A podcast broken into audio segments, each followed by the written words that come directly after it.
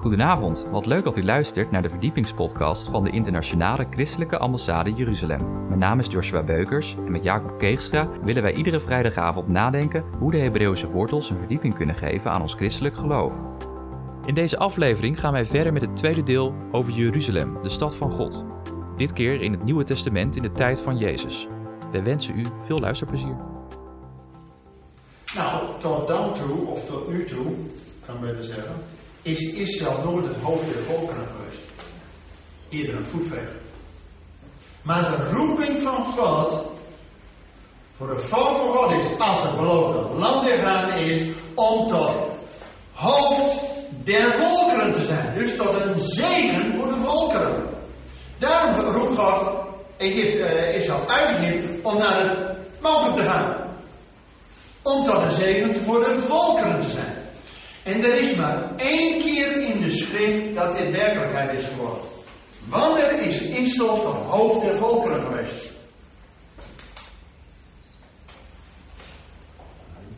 Dat was met koning David. In Psalm 18, vers 44b staat dat koning David onder leiding van Gods geest, Psalm 18, vers 44b, Gij hebt mij gesteld tot hoofd der volkeren. Zelfs volkeren die mij niet kenden, maar zodra ze van mij hoorden, zijn ze aan mij schatplichtig geworden. Jongens, dit is een Messiaanse psalm, hè? Psalm 18, één met Hebreeuwse oren. 18. Jod, Get. Of Get, Jod, dit even waarschijnlijk. Gai. 18 is de levenspsalm. In Psalm 18 staat met een God spring ik over een uur. En er staat des Heeren woord is een schild voor allen die bij hem schuilen. Psalm 18, Messiaanse psalm. Psalm van het leven. En dan zegt hij, David, wat betekent David? Geliefde. Dus die geliefde koning zegt, gij hebt mij gesteld van hoofd der volkeren. Is dit niet profetisch voor die zoon van David die straks ook hoofd der volkeren gaat worden? En in de psalmen, hè, dus dat is een looflied. Gij hebt mij gesteld van hoofd der volkeren. Ja? Want Jezus was niet alleen zoon van David, hij is ook een Jood. En wat betekent Juda? Godlovers. David heeft veel psalmen gemaakt. Hij was niet alleen koning, maar was een dichter. Dat zal Jezus ook zijn. Jongens, wat is het eerste lied in de Bijbel? Als Israël met Mozes door de Schelzee gaat, staat in Exodus 15. De Heer is mijn sterkte en mijn zal. Begin gewoon. Van hem, hem komt. Hij is mijn sterkte. En dan is mijn reactie, hij is mijn psalm. En door wij, dat wij hem psalm zingen, baant hij ons de weg, psalm 51. Maar wat staat er gewoon in eerste lied van de Bijbel? De Heer is mijn sterkte in mijn psalm. Hij is mij tot heil geweest. Wat staat er gewoon in de rest? Hij is mij tot Yeshua geweest. Dat betekent je toch niet zelf? Dat is het eerste lied in de Bijbel, het lied van Mozes, het lied van de verlosten. Was het laatste lied in de Bijbel. Met je structuur zien, Op een lied. Het laatste, openbaarheid. Ja, het lied van Mozes en van het Lam. En ze zingen de Heer. Dus straks in de hemel, of hier straks op aarde, is er dus niet twee liedjes, hè? Eén voor Israël, één voor de gemeente. Nee, nee, nee, nee, nee. Er staat, ze zingen het lied van Mozes en van het Lam. Het is één lied. Voor het vertellen dat één nieuwe mens wordt. Nou, eventjes over uh, dat land. Israël. Waarom is Israël nou bijzonder bij God?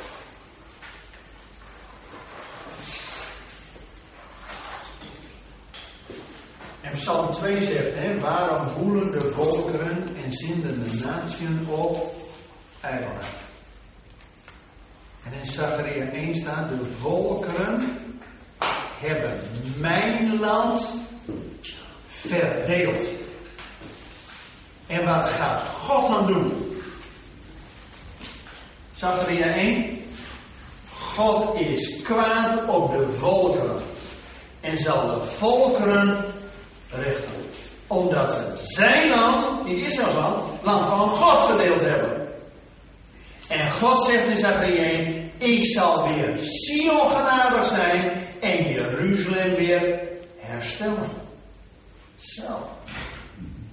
Daar hoor je in de Verenigde Naties niet over. Weet je, in de Verenigde Naties, dat gebouw van Rockefeller, nummer 1 van de vrijmetselaars. Dit is zo'n gebouwtje daar in New York. Die hebben een bijbeltekst uit zijn context gehaald. Er staat uh, Jezaja 2 voor dat gebouw van de Verenigde Naties. Wat staat erop? De volkeren zullen de oorlog niet meer leren en de uh, zwaarden ons smeden tot ploegreizen enzovoort. Hè? Jezaja 2. Maar dat is de halve tekst. Als je de hele tekst leest, staat er dat de volkeren zullen de oorlog niet leren en, ploegen, en de zwaarden zullen omgesmeed worden tot ploegreizers. En dan staat er, komt laten we wandelen in het licht van de Heer. Dat is net eventjes het verschil. De Verenigde Naties wil wandelen in zijn eigen licht. U weet het gebouw van de Verenigde Naties heeft 133 kamers. 132 kun je, 133 niet, dat is een gebedsruimte. En er staat een uh, zwarte piramide. Zodat iedereen zijn eigen invulling daaraan kan geven. Nou, naast de zwarte piramide is ook een zwarte kubus, hè? Daar in Mekka. Jongens, je kunt, kunt wat zeggen van die IS of ISIS, maar die zijn wel fundamenteel, hè?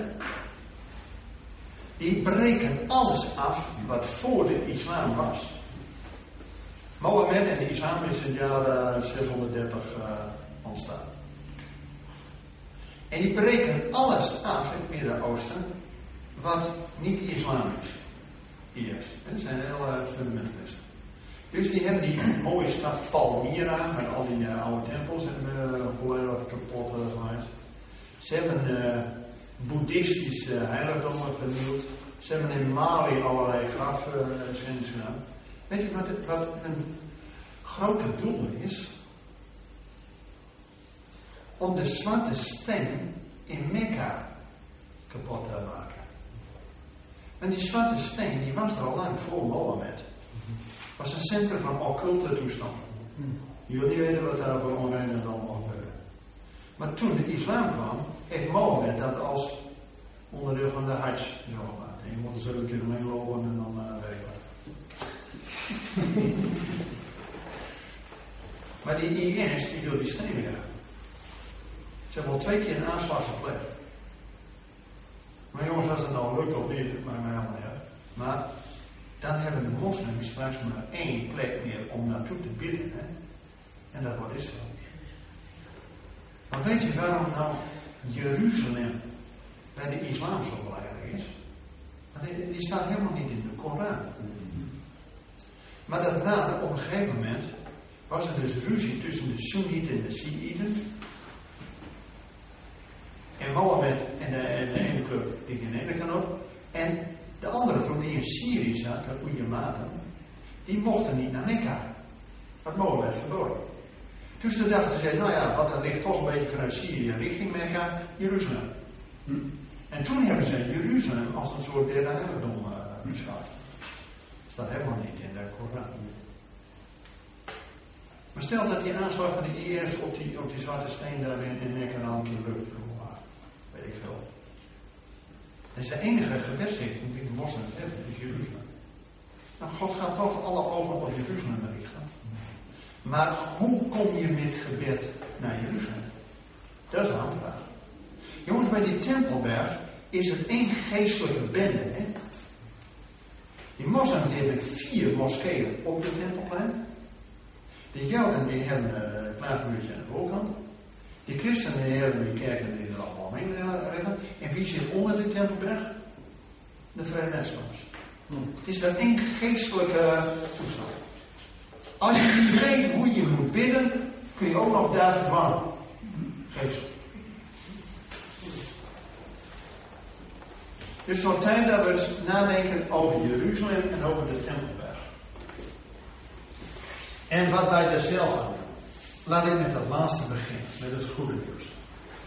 Weet je, herstel aller dingen heeft te maken met de tempel. En die gaat er komen. Hoe weten we dit? Maar die gaat er komen. Nou eventjes naar wie hebben aan de bouw van de tempel gewerkt. Moet je eens kijken wat daar voor zit. Ik vind het geweldig. Je weet met David, dus 400 jaar na Jozua. Jozua heeft het land ingenomen. Begon bij Jericho en dan uh, Bethlehem en uh, Hebron en dan uh, de westen, wat dat nu West heet. En dan Golan. En pas na 400 jaar heeft David Jeruzalem ingenomen. Zie je dat nou maar al die vredes bespreken, maar Israël wel heel graag vrede. Hè? Die hebben eerst Jericho weggegeven.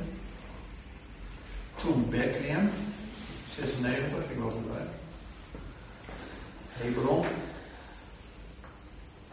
Gaza-strook is ook uh, opgeruimd. Als ze in Syrië niet zo moeilijk hadden gedaan, hadden eventueel Israël de Golan gegeven om een vrede met Syrië te hebben. Dus je ziet diezelfde beweging toen ze het land hebben ingenomen met Josia.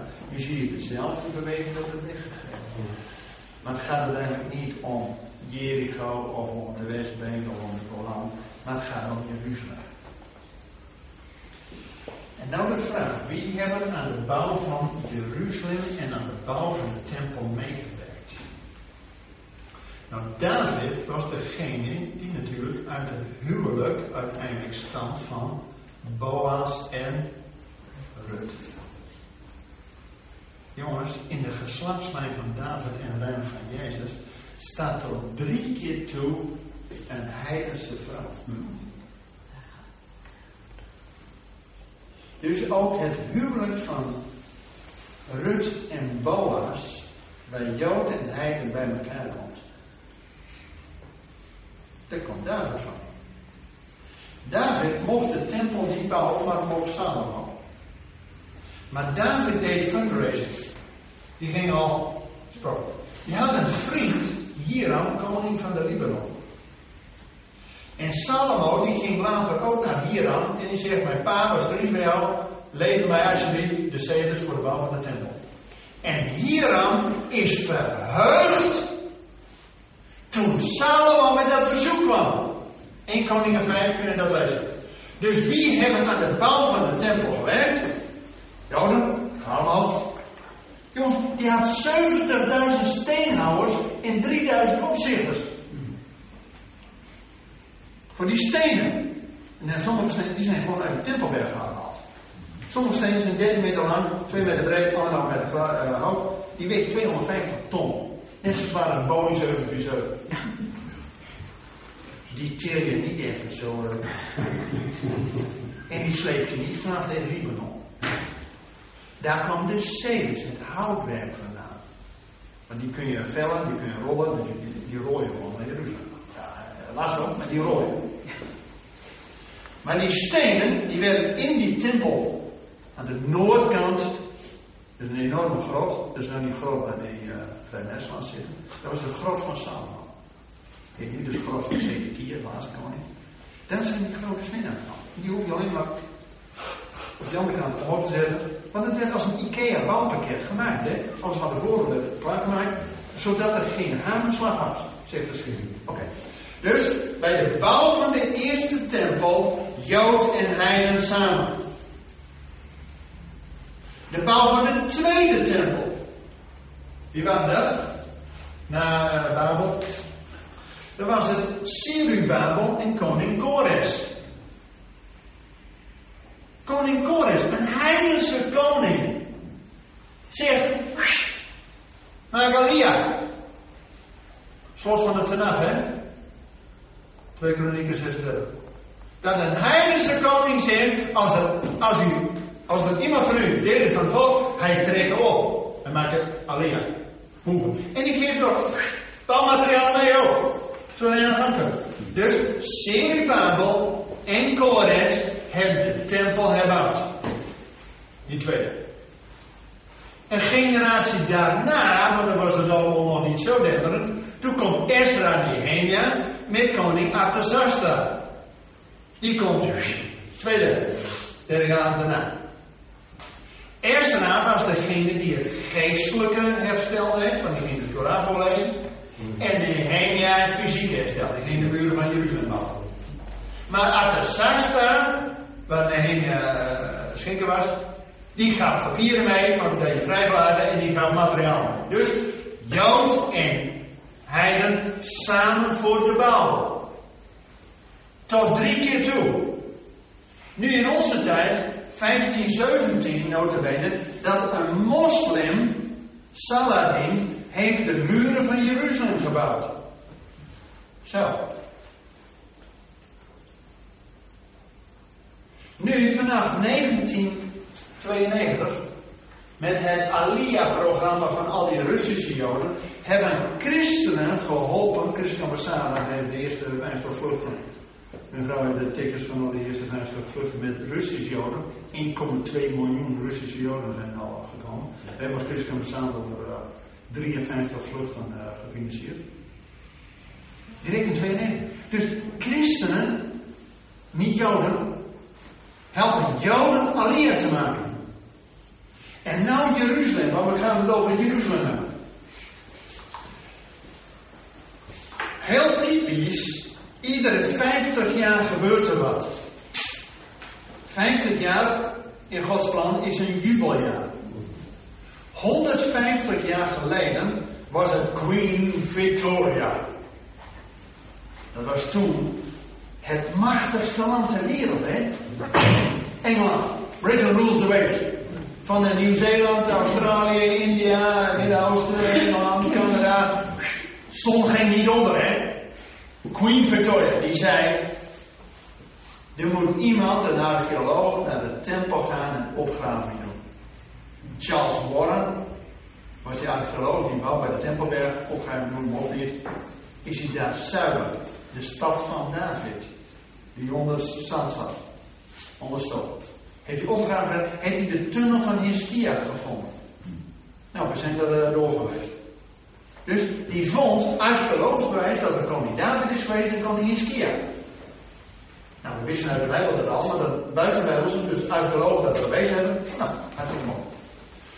100 jaar geleden, 1917, aan het eind van de Eerste Wereldoorlog, nog steeds het Engelse Rijk. Moet je nagaan dat in het, de regering van 1917 in Engeland, er waren eigenlijk alleen maar wederom geboren christenen. En die hadden via hun opvoeding de Bijbel gelezen, maar die hadden ook de profetieën van God erin gelezen. Dat God zijn volk terugbrengt naar het land. Weet je wat dat kabinet geloofde, 1917? Dat God Engeland gebruikt als machtigste land om Israël weer naar zijn eigen plek te brengen. Vandaar dat de Lord Balfour, de minister van Buitenlandse Zaken, die Balfour-declaratie. Maar dat was Engeland. Die is bevestigd in 1922 Sanremo dat de Verenigde Naties zei: Engeland, doe het. Dus toen kreeg Israël, uh, sorry, Engeland het Britse mandaat, Midden-Oosten, om voor te brengen dat Israël weer een eigen land zou krijgen. Alleen bij deed Churchill? Met één pennenstreek, twee derde van het ga je aan Saoedische emir. En dat is Transjordanië, Jordanië geworden. Dus had Israël, Britse mandaat, nog maar één derde over. En zelfs dat moest al verdeeld worden. 1947. Alleen het is al net zoals in de tijd van Jozef. Toen Jozef doodging, kwam er een farao die Jozef niet gekend had. Dat is ook in Engeland, 1917. Nou jongens, zo'n christelijke regering kreeg je nooit meer. Daarna, zeker na de Tweede Wereldoorlog, kwam er anderen aan de regering en die moesten niks van die welvaartdeclaratie hebben en ze zijn het op best. Maar wie Israël zegent, zal gezegend worden. En in 1947, of de Verenigde Naties dat al wel uh, leuk vinden of niet, jongens, precies 1948, op Gods timing gebeurt. Want waarom is dat op Gods timing?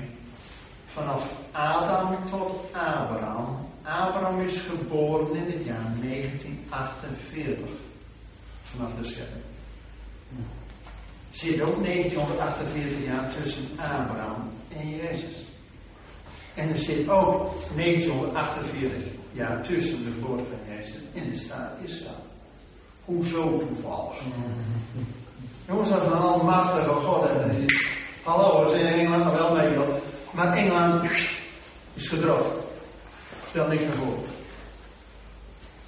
En dat komt mee omdat ze Israël een loer hebben gedraaid. Wel geloven, niet gedaan. Maar God neemt het weer op voor zijn volk, Zacharia 1. En wat gaat God nou doen?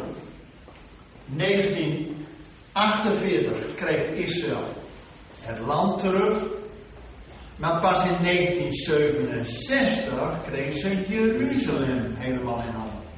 Zonder slag of stoot. In 1917 heeft generaal Ellaby Jeruzalem bevrijd van de Turken. Zonder slag of stoot. Weet je hoe die man dat deed? Ze verwachten dat hij vanuit uh, Saudi-Arabië, uh, Beersheba, en dat hij via Tel Aviv en zo en dan naar Jeruzalem.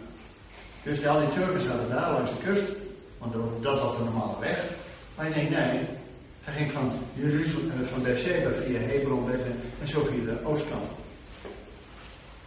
En toen, Eerste Wereldoorlog, hè, had je nog hele simpele vliegtuigjes. Hè? Je bent meer houtjes en touwtjes dan uh, vliegtuigen.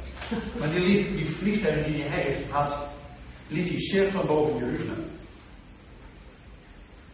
En die Turken die nog in Jeruzalem waren, die oeh, grote vogels. Straks uh, hebben ze bommen, wegwezen. Dus die zijn gewoon gevlucht. Volgende dag komt geen Arabië gewoon weer. De Bijbel zegt, God zal zijn stad beschuttend beschermen als vogels over hen maken. Hoe letterlijk kun je het nemen? De, in 1967 hebben parachutisten die uit die vogels vielen, hebben Jeruzalem bevrijd. Helemaal geen tanks en zware dingen. Parachutisten, nou je hebt hoger de Uzi. Wat betekent Uzi? Uzi betekent mijn kracht. Maar Uzia betekent God is mijn kracht. Ja, dan kan ik Uzia. Jongens, Jeruzalem. We gaan in Israël naar fase 3. Vorig jaar op Loofhuttenfeest was er een minister van religieuze zaken. En die zei, we gaan in Israël naar fase 3. Ik zeg, is help even. Was fase 1 en fase, is fase 2. Hij zegt in 1948 is staat, is dat rond?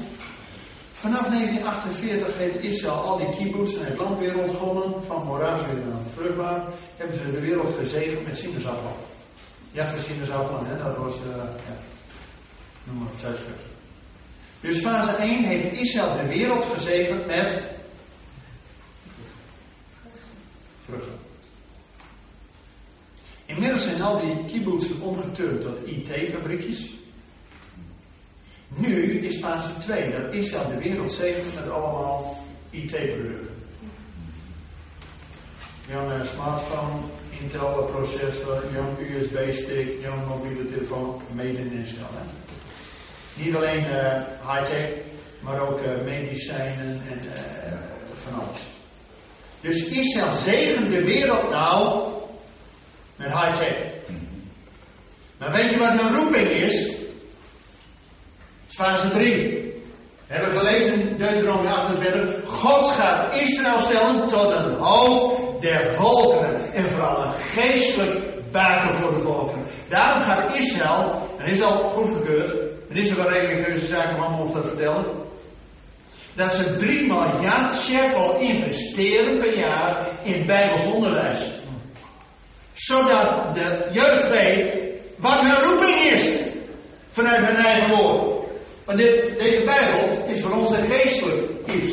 Maar dat is voor Israël hun biologisch boek, hun adreskundig boek, hun historisch boek, hun geslachtslijnboek en hun verlassingsboek. Dus ze moeten Bijbels onderwijs hebben om te weten wie ze zijn. En dan gaat Israël nu promoten. Ik wist niet waar hoor, man. Als zij het woord gaan kennen, hoeft maar één vlammetje van de geest bij te komen. Kunnen een vuurwerk verlangen. Ja, dat. Jongens, het zal toch worden dat tien man uit alle volken, natie de schrift van de Joodse man zullen vast aanhouden. Hè? En dat is niet de Messias. Maar dat is nu. Dus wie bouwt aan Jeruzalem? Wie bouwt aan de tempel straks? Jood en niet-Jood. Dat wij als christenen Israël helpen om terug te keren, allier te maken. Wij helpen hen ook om te integreren. We hebben niet alleen uh, uh, zoveel duizend Russische Joden. Vorig jaar hebben er 1300 Ethiopische Joden naar Israël gebracht. Dit jaar hebben we weer zoveel verdeling dat we er weer 1300 Ethiopische Joden naar Israël kunnen brengen. Weet je, die leven nog werkelijk in een jaar nul, hè? Die komen gewoon uit het centje van Abraham. En dan komt zo in zo'n vliegtuig, komt ze dan in zo'n hoge, hoge uh, gekwalificeerde land van Israël. High-tech. Ja, dat lukt hun nooit. Dus om te zorgen dat ze niet tussen wal en schip raken, vangen we die twee op. Zodat ze ook de cultuur leren. Niet alleen de taal, maar ook de cultuur. Dat duurt even. Maar wij als niet-Joden helpen aan de opbouw, aan het herstel aller dingen. Nou, slot. Weer toch lezen. Wat heeft dit nou allemaal voor doel, jongens? Staat in Daniel 9. Daniel hoofdstuk 9. Want het moet allemaal een beetje zin hebben, hè? een beetje doel. Maar dan niet een beetje al in de tijd eruit. God heeft een doel. Daniel 9. U kent Daniel 9, profetie over de 70 weken. Ik lees Daniel 9, vers 24. 70 weken zijn er bepaald over uw volk en uw heilige stad. Wie is uw volk? Dat is Israël, hè? Wie is uw heilige stad? Dat is uh, Nieuw-Reuzen. Ja, bijna.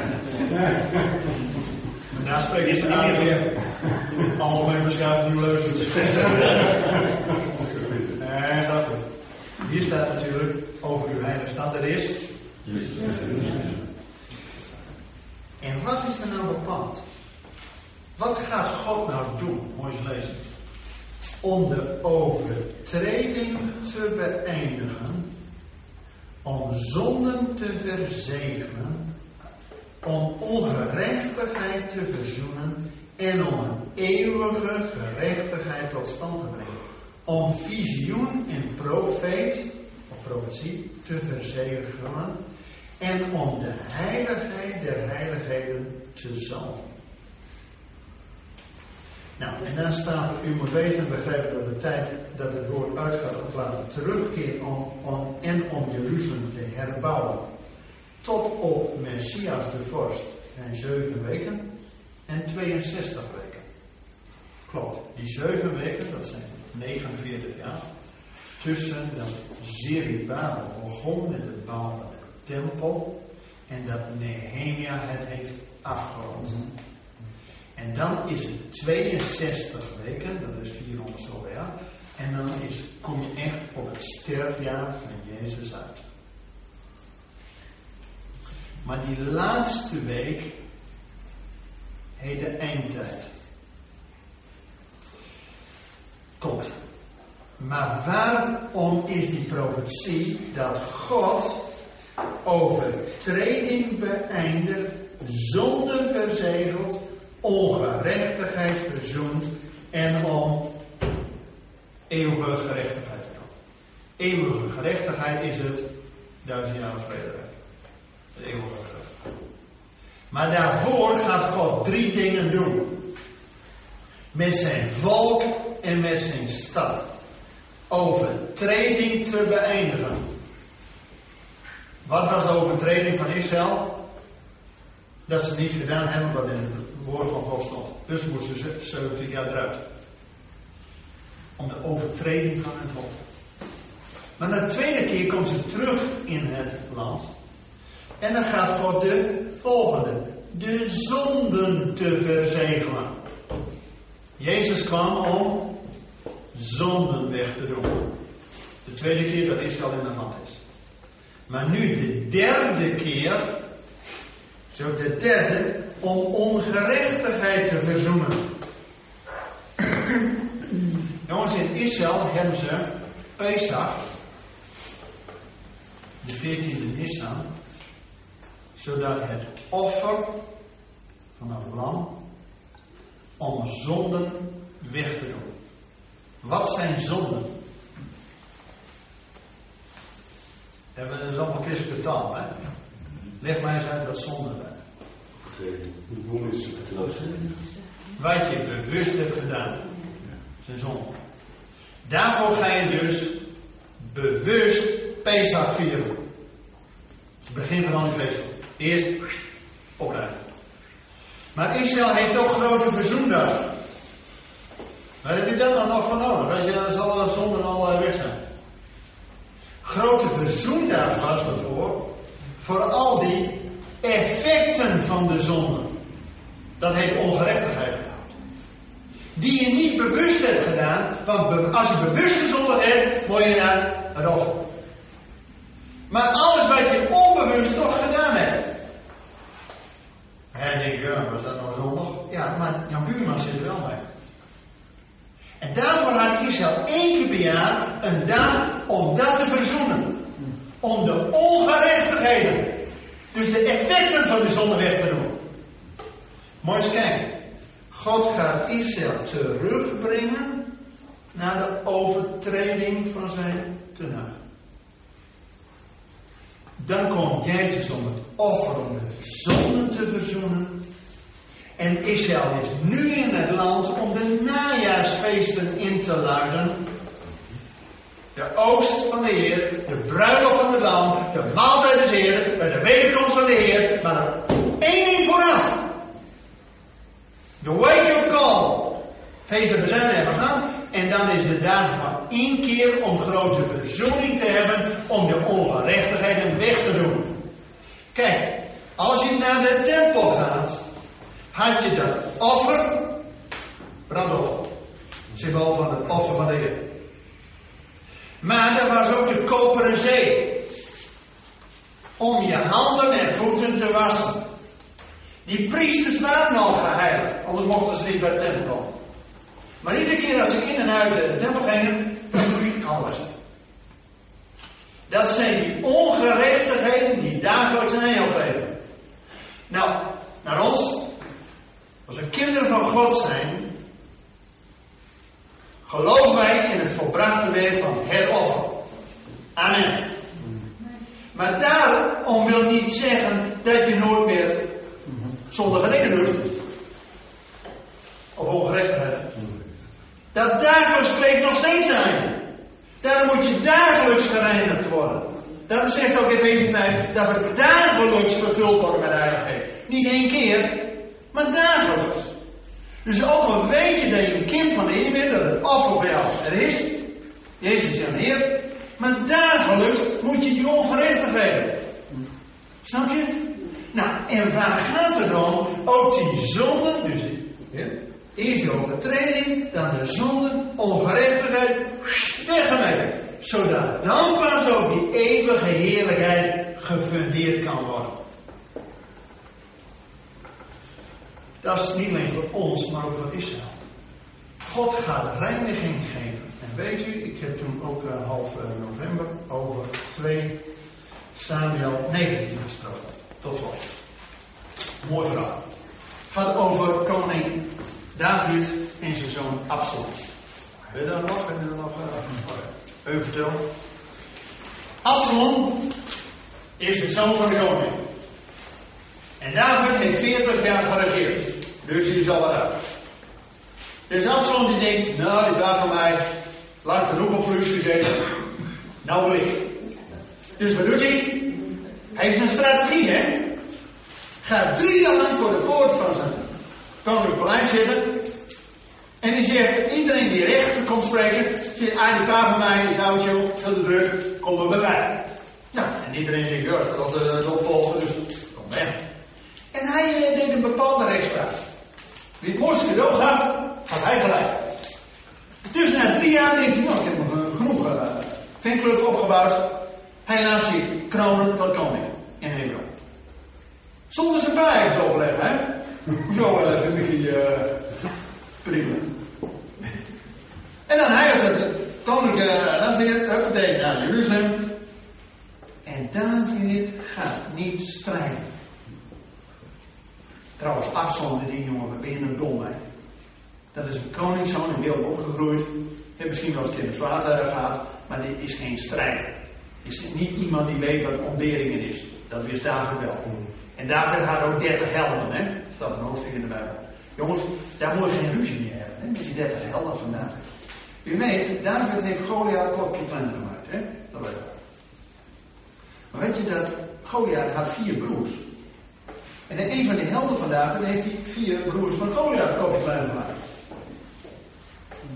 Niet zo'n Zo'n held van David zou je geen ruzie zoeken. Of er was ook een van die helden van David, was winter. En een leeuw die viel in de kuil. En dan liet ze hem uh, in die kuil en zei, pak die leeuw uh, en slaat hem dood. Oh. Ik zou daar geen ruzie mee zoeken. En Joab was ook niet de makkelijkste. Dan zou ik geen ruzie mee zoeken. Dus Absalom, jongen, je hebt geen schijn van kans. Maar David verkiest om te vluchten.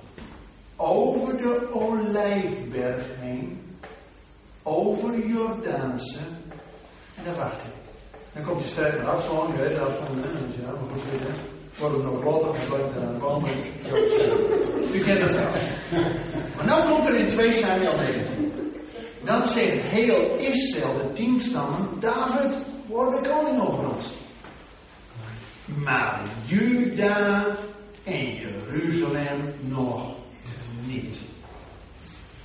Dus teken van de hele wereld wil de Heer als hè, wij binnen al, maar na de Heer kom, hè, we verwachten u, we willen graag naar de koning worden, die we vandaag gisteren. Maar Joden in Jeruzalem nog niet. En dan zendt David boden uit naar Jeruzalem. Bent u de laatste om koning welkom te heten? En dan komt heel Juda, alle Joden, komen te Gilgal om David over de Jordaan welkom te heten. Gilgal is dezelfde naam als Golgotha. Profetisch dat heel Israël, Zacharia 8 en Zacharia 12, dat de geest van genade geleden komt over Israël. Niet over ons, maar komt over Israël. En ze zullen weeklagen als over een eerstgeboren. Wie is die eerstgeboren? Jongens, het moment is dichterbij dan wij denken. Om zijn koning welkom te heten. Maar tuurlijk, ik snap, als Jeruzalem, die geest mag niet zomaar uit de handen. Want wanneer de leiders van het volk en de inwoners van Jeruzalem, als die koning er nog in is, hebben zij de macht in handen. Dat is ook zoals jij gewoon geen christen was, dat heb je zelf ervoor het zeggen. Maar als je je overgeeft de koning op je troon zit, heb jij niet meer te vertellen. Dus ook pas wanneer Jeruzalem pakzeil haalt. En in Daniel 12 staat er een tekst wanneer er een einde komt aan het verbreken van de macht van het volk. Want tot nu toe, Israël is door al die vijf, zes oorlogen beschermd. God heeft hem beschermd. Maar voor deze denk je, oh, onze IDF doet het toch ook goed. Onze Iron kan ons lekker beschermen. Hallo, totdat daar ook aangetornd wordt. Wanneer ook Israël zijn eigen kroon afdoet. En Yeshua, Jezus, als de koning verwelkomt. Zullen we?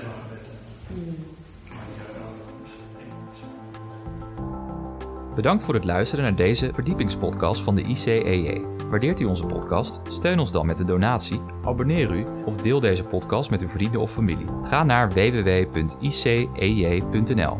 Volgende week gaan we het hebben over de parasha of het Bijbelrooster. Kom, God zei tegen Mozes, kom naar de farao uit Exodus 10. Hartelijk bedankt voor het luisteren en tot volgende week.